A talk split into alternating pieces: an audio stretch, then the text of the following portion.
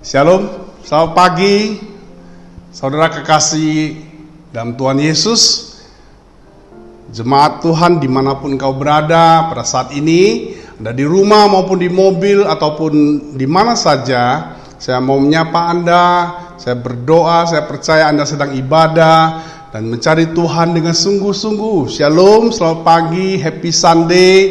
Tuhan memberkati jemaat Tuhan. Saya berdoa saudara menikmati firman Tuhan, menikmati praise and worship yang sudah dinaikkan, dinyanyikan dengan begitu sungguh-sungguh, saudara tiba saatnya untuk mendengar firman Tuhan. Mari saya ajak saudara untuk berdoa. Terima kasih Tuhan, kami mengucap syukur Tuhan. Kalau hari ini kami boleh ibadah walaupun ibadah online, jarak tidak membuat kami jauh dari Tuhan. Bapak terima kasih, urapi setiap hambamu yang menyampaikan firman Tuhan, urapi pikiran, hati, dan perkataan yang keluar dari mulut dan bibir hamba adalah kebenaran dan firman Tuhan adanya. Setiap jemaat Tuhan di mana pun berada, di rumah maupun berikan kami hati seorang murid, telinga seorang murid, sehingga ada kerendahan hati untuk menerima firman dan kebenaran yang disampaikan. Dan ini menjadi benih yang tumbuh subur di dalam hati kami yang memerdekakan kami, membuat kami semakin hari semakin mengasihi Tuhan. Terima kasih Tuhan. Dalam nama Yesus kami berdoa dan mengucap syukur. Haleluya. Amin. Shalom saudara kasih dalam Tuhan.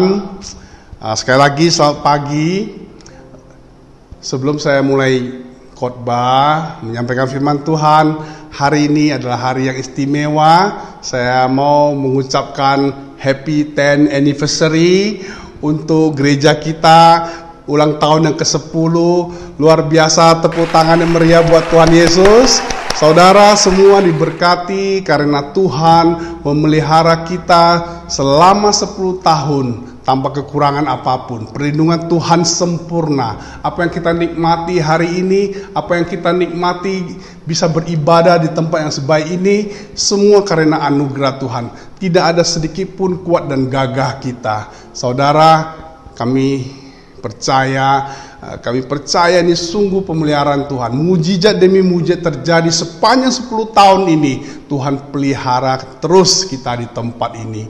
Dan kami kita sudah melihat banyak mujizat terjadi. Kita melihat kebaikan Tuhan terjadi di tempat ini. Saya percaya 10 tahun ke depan, dekade kedua, saya percaya dengan ada unity seluruh pekerja pelayan Tuhan dan jemaat kita bisa melakukan perkara-perkara yang besar bersama Tuhan. Amin. Saudara, happy 10th anniversary. Sekali lagi ya, happy birthday ke-10. Satu dekade waktu yang tidak terlalu pendek ya. Kita pantas dan pantas untuk mengucap syukur untuk semua kebaikan Tuhan. Saudara, mulai hari ini kita masuk ke season yang baru kita sudah meninggalkan summer, sekarang autumn. Uh, tema bulan ini adalah empower. Katakan empower.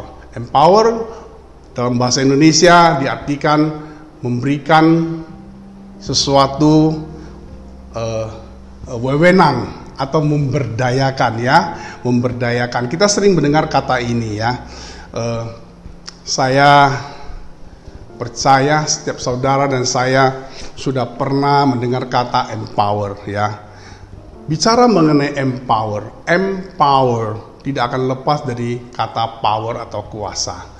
Saudara, untuk memudahkan saudara mengerti, saya mau memberikan satu ilustrasi saja ya. Eh, empower itu memberi satu daya atau satu kuasa kepada sesuatu yang tadinya tidak berdaya menjadi berdaya. Tadinya nggak bisa jalan, karena dikasih sesuatu dia jadi bisa berjalan. Tadinya dia tidak bisa e, lari cepat, sekarang jadi lari cepat. Dulu tidak punya tanggung jawab ini, ketika diberikan kuasa ini tanggung jawabnya jadi besar. Nah tentu saja bicara empower tidak hanya sekedar kata-kata, memberi kuasa baru, memberi wewenang baru, uh, atau daya baru, uh, tidak hanya seperti itu. Untuk menciptakan satu empowerment, perlu satu proses persiapan yang sungguh-sungguh ya. Kita hari ini bicara banyak mengenai uh, empower, empowerment kepada leader baru ya. Tahun ini 2020 kita harus masih ingat uh, Pak Arifin memberi judul The Year of New Emerging Leaders. Tahun lahirnya pemimpin-pemimpin baru. Uh, saya percaya tema hari ini sangat erat hubungannya dengan tema tahunan kita. Empowerment tujuannya adalah memberikan banyak kesempatan kepada calon leader baru yang dibawa ke pemimpinan kita. Menjadi pemimpin itu tidak mudah. John Maxwell ya dalam bukunya berkata, seorang pemimpin yang baik, a good leader, create leaders, menciptakan pemimpin-pemimpin. Saudara mengerti maksud saya? Kalau kita mau berhasil, kita harus melahirkan, menciptakan banyak pemimpin-pemimpin di bawah kita. Seorang pemimpin yang baik, dia tidak insecure. Pemimpin yang baik, dia itu percaya dengan semua pemimpin-pemimpin yang dibawanya, yang diorbitkan, yang dipromosi, menjadi pemimpin bahkan lebih luar biasa dari kita sebagai pemimpin yang lebih senior. Saudara, kalau ada pemimpin yang tidak secure, mereka cenderung menekan, tidak memberi kesempatan kepada anak-anak muda di bawahnya. Sehingga akan terjadi generation gap. Pemimpin seperti ini lama-kelamaan akan ditinggalkan oleh pengikut-pengikutnya. Saya percaya kita di Rock ini memiliki pemimpin-pemimpin yang luar biasa, pemimpin-pemimpin yang baik, yang memang tujuannya melahirkan, melahirkan, menciptakan, melatih, memuridkan sehingga lahir banyak pemimpin baru dari kepemimpinan kita ya. Kita hari ini banyak bicara mengenai leadership juga ya.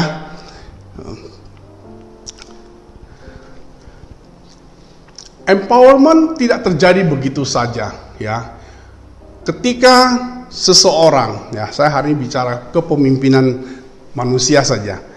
Ketika seseorang mau dipersiapkan untuk menjadi pemimpin yang baru, sebelum diberikan power itu, sebelum di empower, sebelum diberikan pemberdayaan tersebut, sebelum diputuskan wewenang diberikan lebih tinggi secara legal, secara otorita, official authority, kita mempersiapkan mereka dengan baik. Banyak sekali hal yang perlu kita lakukan. Hari ini kita akan bahas hanya dua saja yaitu educating dan encouraging ya. Uh, yang kita persiapkan itu sungguh sangat banyak, bukan hanya leadership skill, bukan hanya pengetahuan, bukan hanya uh, soft skill, bukan bukan hal-hal yang bersifat uh, material saja, money, tapi juga hal-hal yang berhubungan dengan spiritual ya.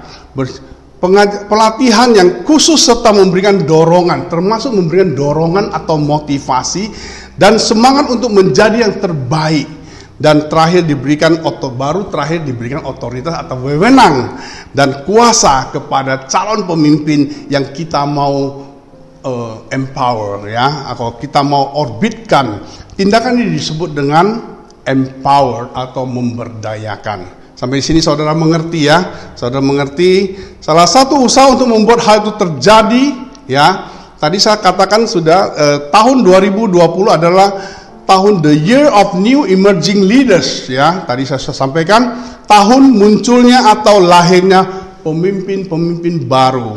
Nah, salah satu usaha untuk membuat hal itu terjadi adalah pemimpin yang ada ya harus melahirkan banyak pemimpin baru. Tadi saya sudah sampaikan yang John Maxwell sampaikan, ajarkan pemimpin harus melahirkan banyak pemimpin ya.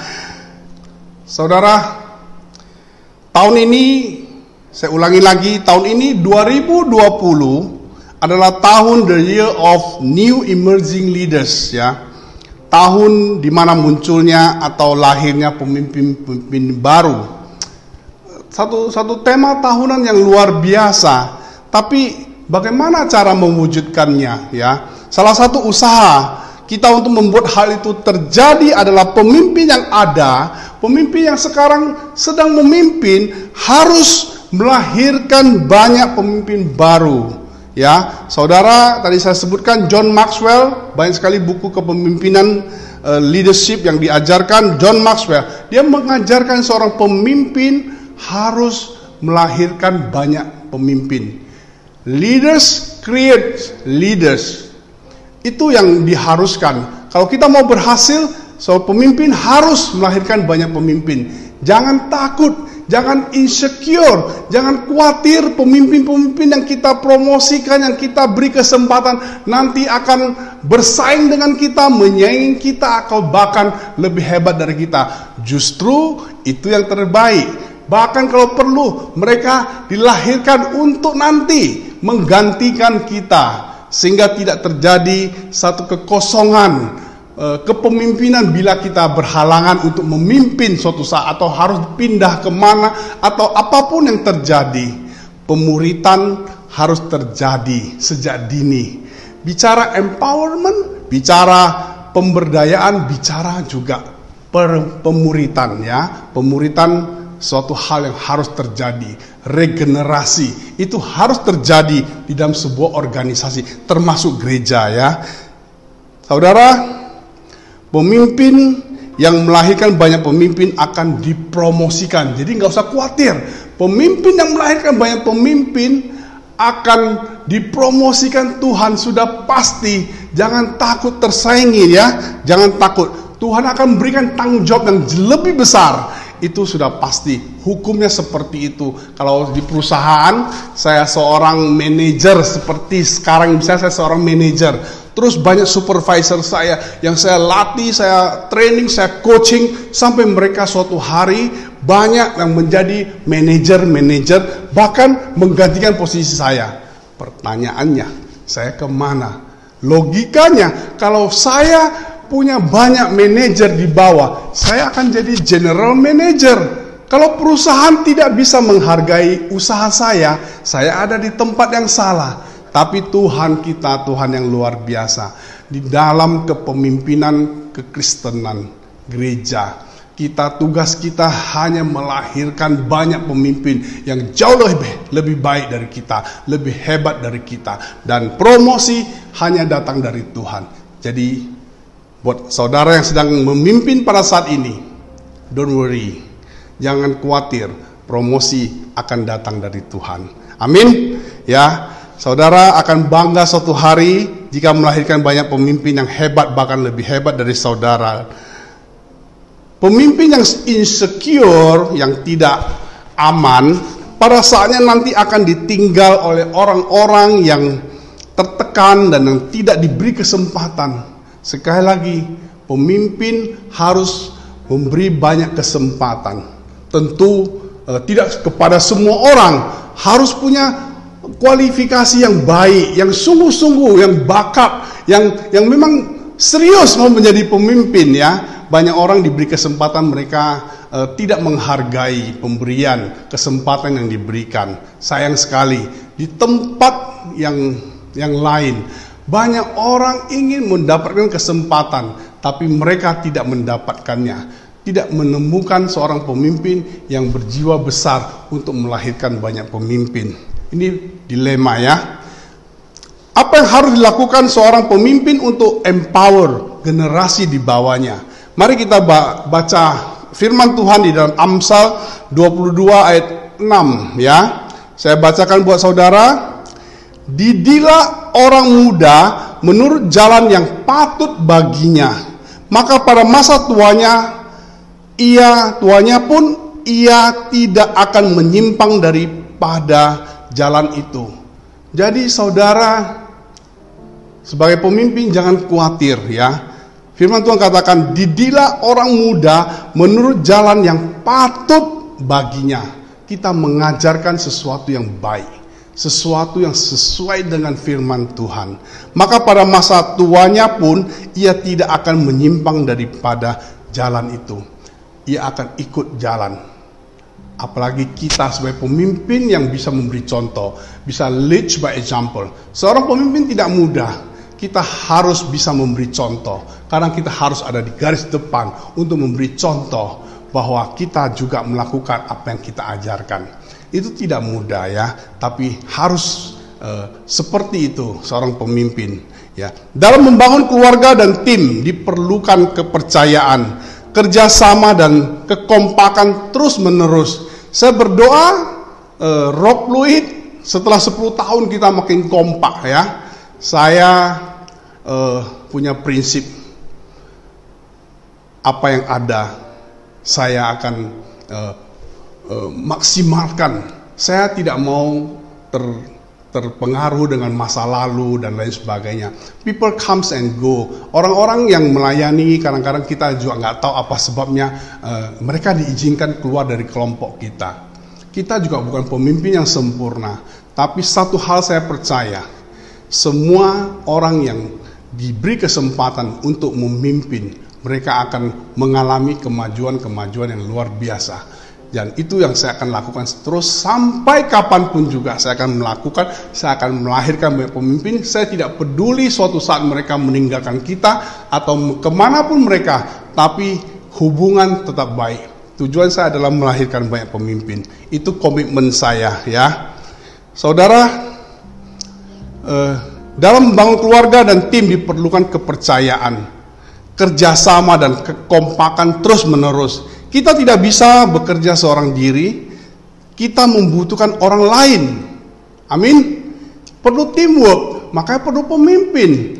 Ya, kita perlu saling mendukung, menguatkan dan menolong sehingga keluarga dan tim kita menjadi semakin kuat dan berkembang. Amin. Itulah gunanya empowerment. Kita tidak bisa jadi one man show. Kita tidak bisa lakukan itu sendiri. Kita bukan Superman. Kita adalah teamwork. Tim, singkatan dari tim saudara tahu, tim together every everyone achieve more ya. Itu kita sudah pernah bahas. Dalam melakukan empower ada dua hal yang sangat penting. Tadi saya sudah sampaikan yaitu educating and encouraging ya education dan encouragement ya uh, hal terpenting dalam empower adalah memberikan dukungan kepada orang yang kita percayai. Ya pemimpin memang uh, banyak orang di bawahnya kita memang dituntut untuk mencari orang yang bisa dipercaya. Kualitas seorang pemimpin adalah bisa dipercaya. Kalau kita mendapatkan orang yang tidak bisa dipercaya, seluruh organisasi bisa rusak. Jadi seorang pemimpin harus punya kemampuan mencari, mendapatkan orang-orang yang bisa dipercaya. Itu jauh lebih berharga daripada orang pintar tapi tidak bisa dipercaya ya.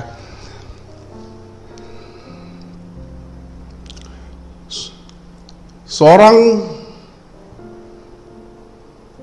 Kepala rumah tangga atau pemimpin harus dapat melihat kelebihan dan kekurangan orang yang dipimpinnya. Itu tadi saya sudah sampaikan. Eh, kita memang pemimpin dilatih, minta hikmat Tuhan terus untuk mendapatkan eh, pemimpin-pemimpin, calon pemimpin, calon pemimpin yang eh, bisa dipercaya. Ya. Oleh sebab itu ada dua hal penting dalam melakukan empower. Yang pertama tadi educating, ya educating hal educating atau mendidik merupakan hal yang penting dalam melakukan pemberdayaan dan pemberian wewenang ya saudara tadi saya sudah sampaikan empowerment tidak bisa terjadi begitu saja oh saya kasih kamu kekuasaan ini kasih jabatan kasih pangkat kasih kedudukan kasih posisi terus bim salam bim tiba-tiba jadi pemimpin hebat oh no semua perlu proses, ya. Semua perlu proses. Saudara, jangan mengartikan empowerment itu sesuatu yang terjadi dalam sekejap seperti membalik telapak tangan. Tidak.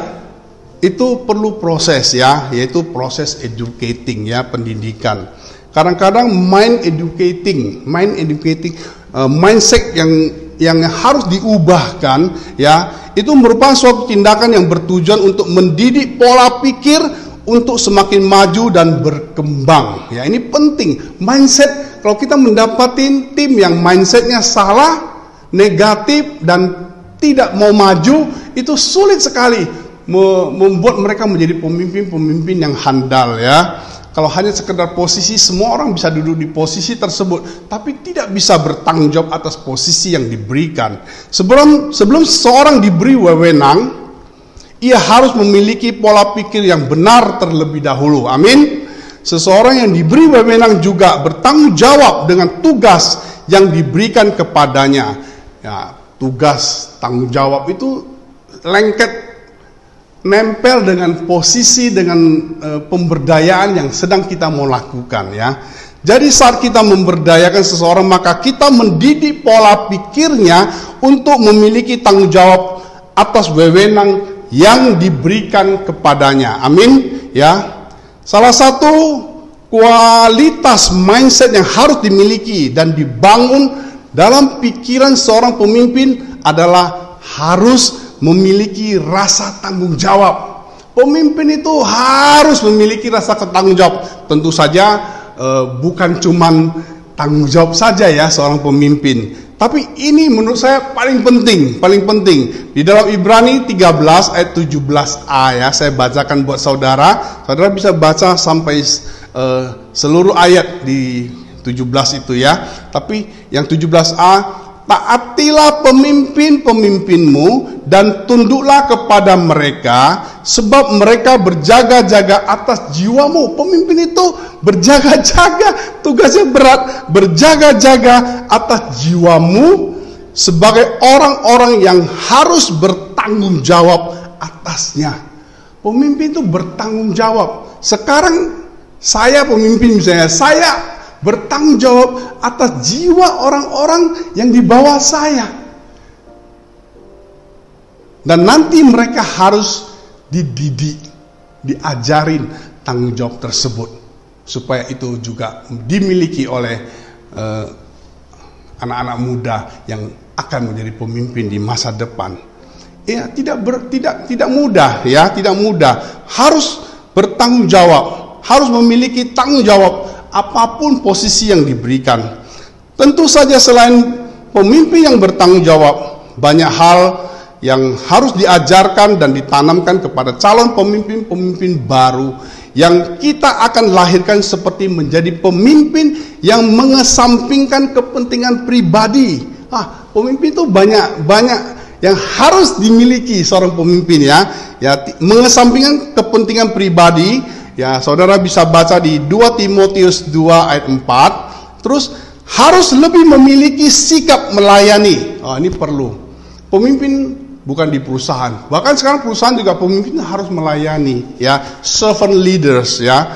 Uh, menjadi pemimpin yang mengesampingkan pri, kepentingan pribadi harus memiliki sikap melayani. Ya, ini di Lukas 22 ayat 26, saudara baca saja di rumah. Terus harus sangat setia. Setia itu penting, loyal ya. Ya, ini, ditulis di dalam Ibrani 12 ayat 3 juga di dalam Filipi 2 ayat 5 sampai 8 ya. Kemudian apalagi e, rendah hati. Oh, pemimpin harus rendah hati. Pemimpin yang sombong itu dibenci Tuhan. Tuhan benci kesombongan. Uh, saudara bisa baca di Matius 11 ayat 29 ya, rendah hati. Terus apalagi pemimpin itu pekerja keras. Di dalam Titus 2 ayat 7 sampai 8 itu bicara mengenai seorang pekerja keras, pemimpin yang pekerja keras dan terutama menjadi motivator yang baik. Ini tidak tidak banyak disadari oleh pemimpin-pemimpin yang ada. Pemimpin juga bisa mengajar. Harus seorang pemimpin juga seorang trainer ya. seorang seorang trainer eh, tidak harus sempurna. Ketika kita memimpin kita disuruh mengajar kita bilang, oh saya bukan berbakat, tidak berbakat menjadi seorang guru, trainer. Come on, seorang pemimpin harus bisa mengajar. Kalau tidak bisa mengajar, bagaimana mendidik mereka? Masalah kesempurnaan dan skill itu urusan belakang. Tapi kita harus bisa mengajar, ya. Saudara, dan terutama menjadi motivator yang baik penting seorang pemimpin, motivator, motivator, bukan motivator seminar-seminar seperti yang saudara sering dengar, tapi kita di motivator karena firman Tuhan, berdasarkan firman Tuhan dan kebenaran Tuhan. Ya, Yesaya 54 mari kita baca bersama. Saya bacakan buat saudara. Tuhan Allah telah memberikan kepadaku lidah seorang murid supaya dengan perkataan aku dapat memberi semangat baru kepada orang yang letih lesu. Setiap pagi ia mempertajam pendengaranku untuk mendengar seperti seorang murid. Come on. Kita ditugaskan Tuhan untuk supaya dapat memberi semangat baru kepada orang yang letih lesu. Itu tugas pemimpin. Encouragement, encouraging itu ada di sini, ya. Amin. Ya. Hal kedua yang selain educating adalah uh, encouraging ya. Tadi saya sudah singgung sedikit mengenai encouraging. Encouragement, encouraging adalah memberikan pengharapan dan dorongan kepada orang yang kita pimpin untuk melakukan tugasnya ya dengan lebih baik dan lebih maksimal. Sebagai pemimpin kita sering sebenarnya kecewa dengan hasil yang dicapai oleh tim kita, oleh bawang kita. Tapi kita tidak bisa membuat mereka down, hasilnya semakin kurang baik. Tugas pemimpin adalah mengencourage mereka, memberi motivasi. Anda sanggup, coba lagi, coba lagi, gagal coba lagi, lakukan lagi dengan baik. You can do it. Dengan gerakan, dengan tepukan, dengan pelukan, dengan kata-kata motivasi, dengan tulis di post it, you can do it. Orang terima itu senang, happy. Wih, bos gua perhatiin, bos gua kasih gua semangat terus. Saudara, seorang pemimpin jangan menjadi pemimpin yang ditakuti. Seorang pemimpin ke mana pun dia pergi, itu suasana yang mati menjadi hidup, suasana yang sedih menjadi happy, suasana yang yang yang yang frustasi menjadi bersemangat. Itu tugas pemimpin. Itu tugas pemimpin kehadiran kita memberikan motivasi, kata-kata kita membangun hidup orang. Amin. Lidah kita dipakai benar-benar untuk membangun hidup orang, ya. Encouraging. Saudara sudah mengerti ya? Bahkan emotion encouragement. Dorongan-dorongan emosional itu sangat sangat sangat membantu ya tugas seorang pemimpin seperti itu ya.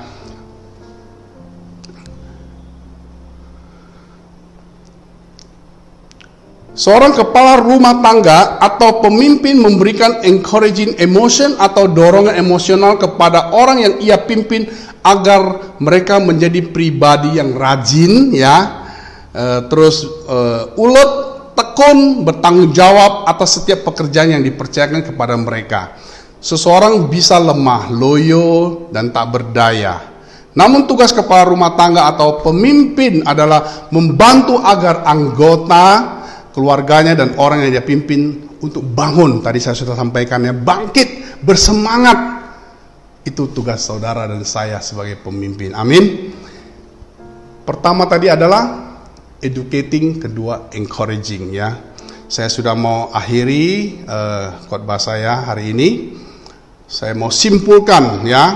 Uh, tadi kita belajar pertama uh, empower atau memberdaya adalah to give official authority, katakan to give official authority or legal power to someone atau kuasa yang berdasarkan hukum resmi, otoritas yang resmi pada seseorang ya, itu empower.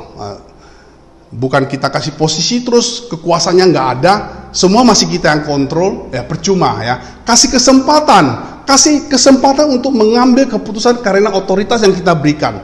Sekali-sekali salah juga nggak apa-apa, kasih kesempatan lagi. Seperti itu ya. Dalam bahasa Indonesia kata empower dapat diartikan untuk memberikan wewenang atau memberdayakan sesuatu. Ini kesimpulan pertama. Kedua, empower tidak akan berfungsi maksimal kalau tidak diperhatikan hal-hal ini. Ya, apa yang harus dilakukan seorang pemimpin untuk empower generasi di bawahnya. Tadi saya sudah sampaikan apa Amsal 22 ayat 6 banyak firman Tuhan hari ini tolong nanti dicatat dibaca di rumah ya. Amsal 22 ayat 6 didilah orang muda menurut jalan yang patut baginya. Maka pada masa tuanya pun ia tidak akan menyimpang daripada jalan itu. Amin. Ya, ini berbicara educating ya. Hal pertama yang penting dalam empowerment. Bukan hanya pengetahuan biasa tapi juga educating the mindset ya. Seorang pemimpin harus menjadi motivator yang baik bagi orang-orang yang dipimpinnya. Ingat Yesaya 50 ayat 4 katakan begini, Tuhan Allah telah memberikan kepadaku lidah seorang murid supaya dengan perkataanku aku dapat memberi semangat baru kepada orang yang letih lesu. Setiap pagi ia mempertajam pendengaranku untuk mendengar seperti seorang murid. Kenapa murid? Murid itu rendah hati kalau murid itu tinggi hati itu aneh. Murid itu harus rendah hati ya. Murid orang yang rendah hati bisa uh, mendapatkan banyak hal dari Tuhan. Tuhan suka orang yang rendah hati, tapi benci orang yang tinggi hati dan sombong ya. Ini berbicara mengenai encouraging termasuk emotional encouraging atau atau dorongan emosi ya.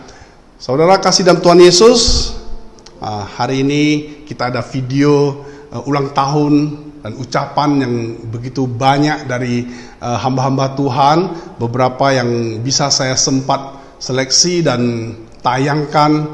Nanti saudara bisa nonton, saudara saya berdoa saudara terhibur dengan ucapan selamat dari semua uh, Pemimpin-pemimpin rock ya terutama termasuk yang di luar negeri begitu besar dorongan dan motivasi yang mereka berikan doa yang begitu luar biasa.